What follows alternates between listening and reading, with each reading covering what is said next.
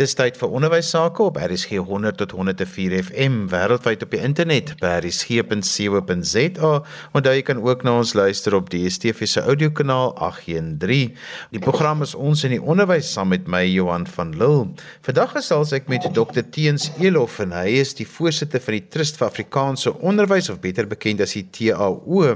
Ons gaan vandag 'n bietjie gesels oor die wysigingswet op werk op basiese onderwys of soos wat almal dit nou noem die BELA wetsontwerp.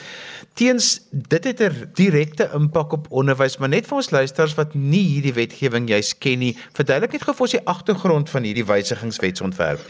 Middag Johan en ook aan die luisteraars. Johan kyk dat nie alles van die Bela wet is verkeerd nie. Daar's noodsaaklike veranderings in terme van beheerliggame en verkiesings en sulke dinge wat goed is. En dit gaan oor artikel 5 en 6 van die spesifieke wet. So mense moet eintlik as jy nou tegnies korrek of wees praat van artikel 5 en 6 van die Bela wet.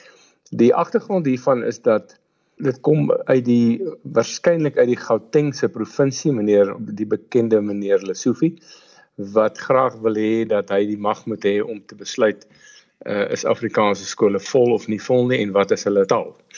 En so die die twee dinge wat ons bekommer, die hele onderwys Afrikaanse onderwysgemeenskap is dat dit bepaal dat die hoof van onderwys in 'n provinsie, dis nou nie die minister of die uh jy weet die MEC nie, dit is die uh, ek dink hulle noem hom die superintendent-generaal van onderwys in elke provinsie kan bepaal uh, uh wat wanneer 'n skool vol uh en wie word aangeplaas en in in wie word nie in 'n skool geplaas nie. En tweedens kan hulle kan hy bepaal of sy wat die taalbeleid van die skool moet wees. Hy moet konsulteer met die beheerliggaam, maar dit hoef nie hulle hoef nie saam te stem nie. So hy kan vir hulle sê hoor ek gaan dit doen. Wat sê julle? Hulle sê hulle hou nie daarvan hy sê nou maar ek gaan in elk geval voort. So hy kan besluit dat 'n spesifieke skool of noem dit maar huidige Afrikaanse skool soos Affies moet ook 'n tweede taal, Engels begin, sekere strome. Hy kan selfs besluit dat 'n uh, skool moet saamsmelt met 'n ander skool en hy kan besluit oor die naam. So dis 'n absolute birokratisering en 'n sentralisering van mag en ons bekommernis is dat dit in in ten minste op juridiese terme die magte van beheerliggame op die oomblik wat daar is in vir beheerliggame alle beheerliggame nie net vir Afrikaanse skole nie dat dit daai magte inbreuk maak en en veral dan wat die plasingsbeleid en die in die taalbeleid van skole mag wees wat uiteindelik by die ouers is en dit is iets wat in die in die 94 en 96 grondwet hard onderhandel is en dit was deel van die ooreenkoms. Ehm uh, met ander dit gaan teen die gees, maar ons meen ook teen die letter van die van die grondwet en ander wetgewing. Dit dit verander natuurlik die skolewet uh om om hierdie magte aan daardie uh, aan daardie amptenaar te gee en natuurlik sal die politiek nooit ver agter wees nie. Die amptenaar in in uh in Gauteng het tot onlangs aan meneer Lesofie gerapporteer wat die wat die uh, hoof van die onderwys was of die die uh, minister van onderwys. Uh, hy hy word nou gaan nou waarskynlik premier word. Uh, dis nou iemand anders maar die punt is dit bly 'n bureaukratisering en dit bekommer ons baie. Jy wys spesifiek na die Afrikaanse onderwyspyplyn wat deur sulke wetsontwerpe geraak kan word. Maar kom ons praat gou oor die Afrikaanse onderwyspyplyn. Wat bedoel ons daarmee? Kyk baie mense uh, mense kry baie keer ek sien baie keer op sosiale media mense praat oor met kinders nou in Afrikaans of Engels en ons baie ouers en veral is veral ouers wat professionele kwalifikasies het het 'n baie um eng siening daaroor hulle sê man my kinders moet kan oorsee gaan hulle daarom het ek nie 'n probleem hulle kan maar Engels skool gaan. Ehm um, en wat hulle nie verstaan nie is dat mense moet na die kollektief kyk. Jy moet nie na jou kinders kyk nie. Jy moet nie eers net na jou skool kyk nie. Jy moet kyk na die miljoene Afrikaanssprekendes bruin, wit en swart in Suid-Afrika wat op die oomblik in 'n uh, onderwyspyplyn het. Ons bedoel daarmee dat van 18 maande kleuterskole, voorskoolse uh, uh, uh, onderwys onderwys uh, uh, die die sogenaamde VKO vroeër kind kindontwikkelingsfase is Afrikaans, dan is daar laerskole wat Afrikaans is, dan is daar hoërskole wat Afrikaans is, daar's een universiteit waar jy nog 'n graad openbare universiteit waar jy 'n graad in 'n bakkalaureus graad eerste graad kan kry in Afrikaans en dis die Potchefstroom kampus van die Noordwes Universiteit en dan het jy natuurlik Akademia en jy het Aros. En ons ons noem daai hele pipeline van 18 maande tot noem dit maar 20 2021 is die Afrikaanse onderwyspipeline. En wat mense wat wat nie sistemies dink nie, wat nie die hele stelsel raak sien nie, dink ons kan maar sny aan daai pyplyn. Hy kan maar uh, lek, jy weet. En die probleem is die 'n breuk in die pyplyn werk boontoe en ondertoe negatief. Kom ons kom gee 'n voorbeeld. As ons nie meer sê net maar akademia val posistroom word ook heeltemal Engels, dan is daar nie meer 'n Afrikaanse tersiêre opleidingsinstansie in die land. Ek praat nie van Soltech en so nie. Ek sê teoreties. Dan gaan ouers sê, "Maar hoekom moet ek my kind na Afrikaanse hoërskool stuur?" Hy sal in hy of sy sal in elk geval in Engels moet universiteit toe gaan en dan dan word die aanbod of die die hoeveelheid kinders wat Afrikaans op hoërskool het, word dan minder. Indien dit gebeur, sal baie ouers sê, "Hoekom moet my kind dan na Afrikaanse laerskool toe stuur?" Want hulle moet in elk geval na Afrikaanse uh, Engelse hoërskool toe gaan. Ek sit hulle sommer nou in Engelse laerskool. En dan word die, die Afrikaanse laerskole minder of sterf uit en dieselfde dan met VKO. Hoekom moet my kind in Afrikaanse kleuterskool stuur? Hy moet hy of sy moet dan in elk geval na Engelse laerskool toe gaan. En uiteindelik binne 'n geslag of 2 is daar nie meer Afrikaans onderwys beskikbaar nie. So die die mense wat redeneer om te sê ag dis nou net my kind en ek wil hê Hulle besef nie dat hulle die hele Afrikaanse onderwyspyplyn daardeur benadeel nie en dat jy 'n taal se hoë vaardighede, die die die sogenaamde hoë kwaliteite van 'n taal om navorsing te doen vernietig jy daardeur en jy vernietig eintlik nie net die Afrikaanse uh, taal nie maar ook die kultuur wat daarmee saamgaan. So dis hoekom ons sê dit is so belangrik dat hierdie Bela wetgewing nie 'n inbreuk maak op op laerskole en hoërskole wat Afrikaans uh, is en wil wees deur hulle ouer gemeenskappe nie, maar dat ons dit sal met sal met teenstaan en baie hard veg daarteen. Teens daar's baie lande wat in dieselfde situasie as ons is waar hulle besigheidstaal en hulle taal wat hulle by die huis praat verskil. In Suid-Afrika is ons besigheidstaal net soos in baie ander lande Engels, maar baie mense is dan nou Afrikaans sprekend by die huis en dit het tog 'n impak op mense se besluit oor waar hulle hulle kinders in skole gaan plaas soos jy sopas gesê het. Kyk, ek koop nie die die argument wat veral stedelike Afrikaanssprekers deesdae het wat sê ag my kind moet in elk geval Engels werk so kom hulle sommer Engels skool toe gaan nie want hy moet nou aanpas. Ek vra altyd die vraag drie wêreldleiers, sakeleiers. Koos Becker, Johan Rupert, Johan van Sail. Waar het hulle skool gegaan? Engels? Nee. Waar het hulle hoërskool gegaan? Engels? Nee. Waar het hulle universiteit gegaan? Engels? Nee. En die besigheidstaal was daardie tyd ook Engels. So ek wil amper sê moenie vir my die twak vertel dat jou kind moet in Engels skool gaan om in 'n Engel uh, uh, om in 'n besigheidswêreld te aard nie. Dit was nog altyd so dat die besigheidswêreld meer Engels was as Afrikaans en ons kinders pas aan en die punt is wat hulle nie weet nie. Internasionale navorsing buite Suid-Afrika bewys dat wanneer mens jou moedertaal goed onder die knie tot ten minste graad 6 of ten minste graad 8 of graad 10 kan jy 'n tweede taal of 'n derde taal baie makliker aanleer. Wanneer jy te vroeg na 'n tweede of 'n derde taal te gaan, dan dan kan jy daai taal nie ordentlik praat nie en kan jy jou jy die die bemeestering van jou eie taal ook, ook verloor. Die skade wat jy daaraan doen. Natuurlik as jou kinders wil emigreer, nou ja, dan moet jy besluit, maar hoe weet jy jy kan nie vir hulle besluit of hulle moet emigreer nie. Daar's uitstekende onderwys in Afrikaanse skole in Suid-Afrika beskikbaar. Gee hulle daai onderwys dan kan hulle self besluit waar hulle gaan en ek kan vir jou sê hulle gaan in in Koosbekker en en en Johan Rupert het nie soveel uh, sosiale media blootstel hulle Engels gekry as wat ons kinders vandag kry nie. So tweetaligheid en wat met Engels betref is nie meer 'n kwessie nie. Die tweede mite is dat almal dink die enigste internasionale taal is Engels. Nou hulle lewe in die wonderwêreld van Kamikamfer. Frans is in sekere lande en kontinente Spaans, uh uh Chinees, Uh daar is ontsaglik baie taal. Ek bedoel van die 100 top universiteite van die wêreld is 40 nie Engels nie. So mense dink alles is Engels. Hulle is verkeerd. Internasionale ervaring en navorsing wys dit is nie so nie.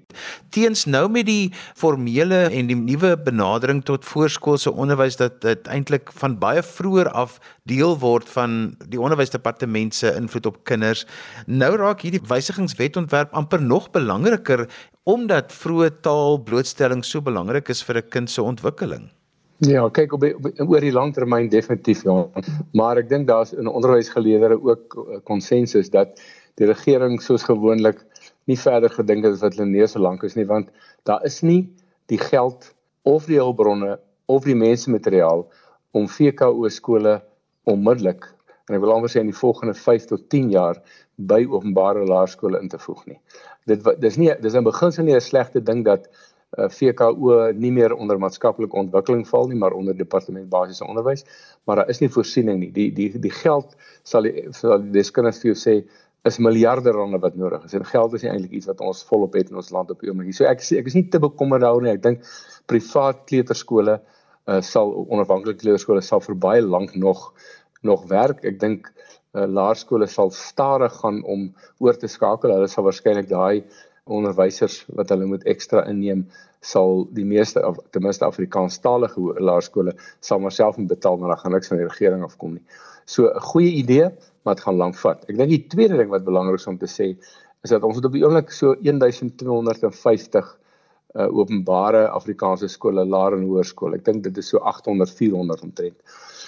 Nou ek vermoed dat ons gaan deur uh, blote demografiese uh, veranderings gaan ons waarskynlik oor die volgende 8 jaar tot by 2030 gaan ons waarskynlik val tot omtrent by 800 in plaas ons gaan so 400 openbare Afrikaanse skole verloor.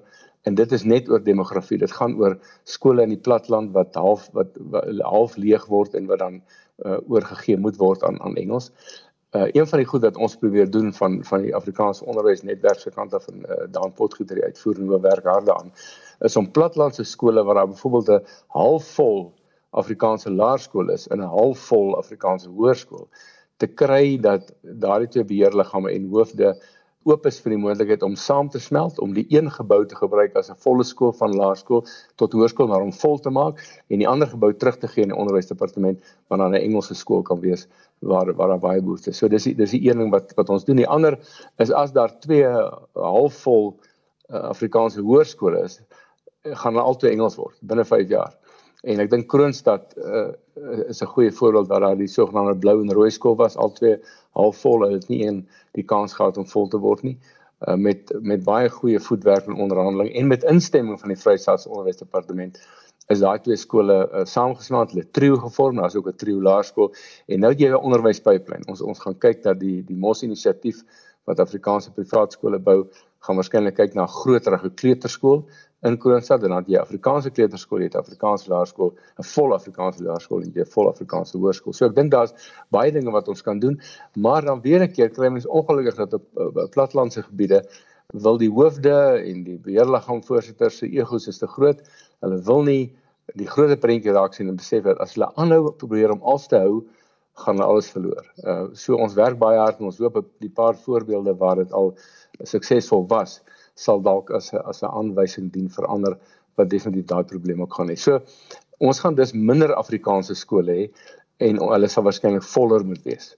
En omdat hulle voller moet wees om Afrikaans te kan bou, is dit so belangrik dat die ouers die ouer gemeenskap kom besluit. Onderhewig aan alle wetgewing, onderhewig aan nie rasisme, nie seksisme, nie uitsluiting nie dat die dat die Afrikaanse ouer gemeenskap deur die beheerliggaam sal kom besluit die plasing die pla, wie word geplaas en wat se taalbeleid. En as dit wegval, uh, Johan, dan sien ek dat ons 'n baie ernstige probleem, amper ek het dit al genoem, die die ernstigste aanval op Afrikaanse onderwys sedert 94. Want dis 'n dis 'n baie siniese manier om om die die Afrikaanse onderwys weet gewoon te ondermyn aan een kant te sit. Nou die die rede daarvoor daar is politieke redes ook, maar die minister het in die parlement in die vraesessie gesê dat die rede is dat uh, daar 'n oomblik 'n tekort aan 85 87000 klaskamers en hulle het nie geld om die klaskamers uh, te bou nie. En daarom wil hulle hê in die Afrikaanse skole wat hulle voel nie heeltemal vol genoeg is nie, hulle nog kinders wil insit sodat hulle daai kinders waarvoor nie klaskamers het nie in die huidige klaskamers kan insit sonder om te bepaal is die skole vol.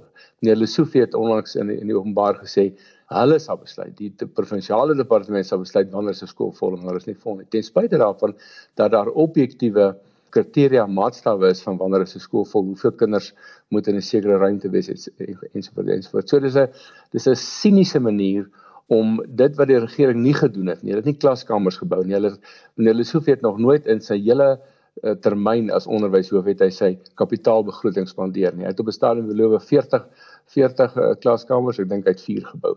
En omdat hulle nie hulle werk gedoen het nie, wil hulle nou die Afrikaanse skole daarvoor laat boet uh in terme van van plasing en en oorbevolking in klasse. Teens as onderwysleiers navraag kry van ouers af oor die wysigingsontwerp op basiese onderwys, wat is die navraag wat mense kry en hoe moet hulle dit antwoord? Kyk FETSAS en die SAOI as ook die SOS. Nou almal weet FETSAS is die beheerliggaamorganisasie van Suid-Afrika, een van hulle. Uh, SAOI is die Afrikaanse Onderwysunie wat wat die grootste onderwysvakbond vir Afrikaanse uh, leerkragte is en dan die skole ondersteuningsentrum van van uh, solidariteit tussen daardie drie wat wat almal op die AON se direksie sit en waar ons koördineer en saamwerk, het uh, elkeen eie planne maar ook gesamentlike planne. Ek dink die belangrikste is as daar na, navraag is is die beheerliggaam voorsitter en die beheerliggaam van 'n skool die eerste aanklopplek uh, in terme van FETSAS wat wat sekere inligting beskikbaar gemaak het. Uh, ons weet nou dat hierdie wetsontwerp gaan waarskynlik deur die parlement gaan en dan gaan daar provinsiale uh openbare verhore moet wees amper soos soos destyds met die wet op die op die uh, onteiening van grond sonder vergoeding. En daar sal ons baie ouers en en sakeleiers wil hê om daar hulle hulle stem te gaan dik maak en en FETSAS sal deur die beheerliggaam al daai inligting vir ouers kan gee dat mens presies weet op watter punte moet jy druk en watter waar kan jy beswaar maak.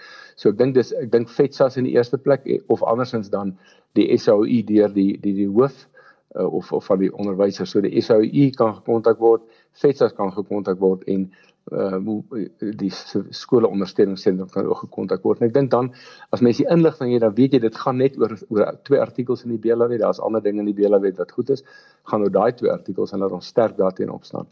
Die daar's twee laaste dinge wat ons hou in ons um, in ons arsenaal om te veg uh, teen die saak uh, Johan.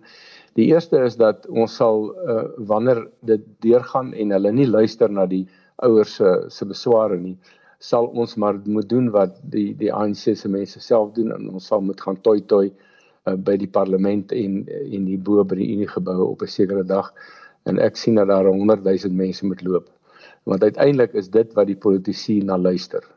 Uh, en en ek weet uh, Dr Pieter Miller het het 'n boek geskryf Afrikaners kan nie toi toi nie maar ons sal moet leer toi toi want dit is hoe ons hierdie saak gaan red en so belangrik is dit.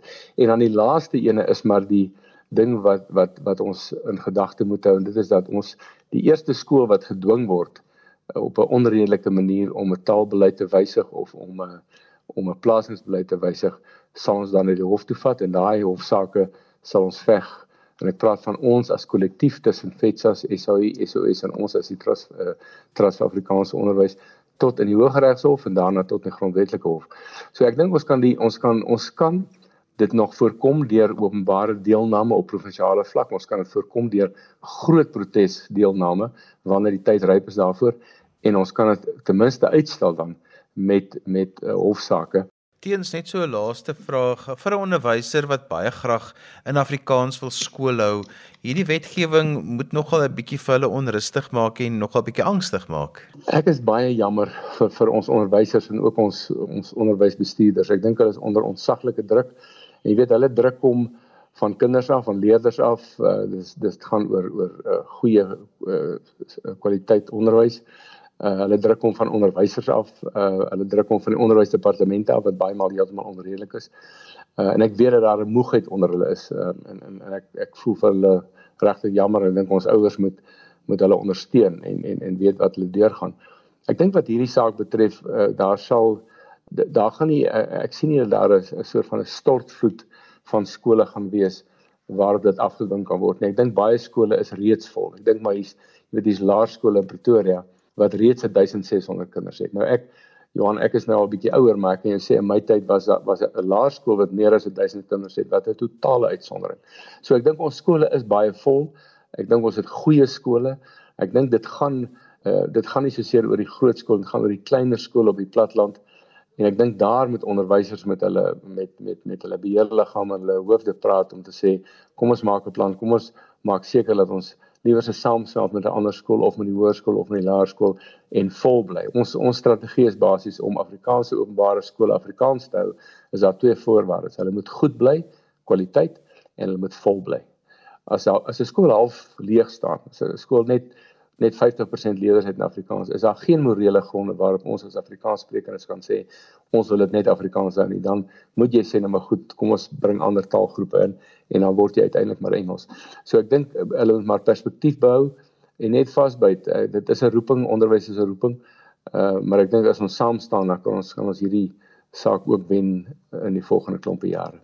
En so gesels Dr. Teens Eloof van hy is die voorsitter van die Trust vir Afrikaanse Onderwys of die TAO soos dit bekend staan. Ons het vandag bietjie gesels oor die wysigingsontwerp op basiese onderwys en hoe dit die Afrikaanse pipeline kan beïnvloed. Teens baie dankie, dit was lekker om met jou te gesels. Baie dankie Johan, waardeer die geleentheid. Onthou jy kan weer na vandag se program luister as 'n potgooi, laai dit af by resgep.co.za. Skryf gerus vir my e-pos by Johanvanlull@gmail.com. daarmee groet ek dan vir vandag tot volgende week van my Johan van Lill. Totsiens.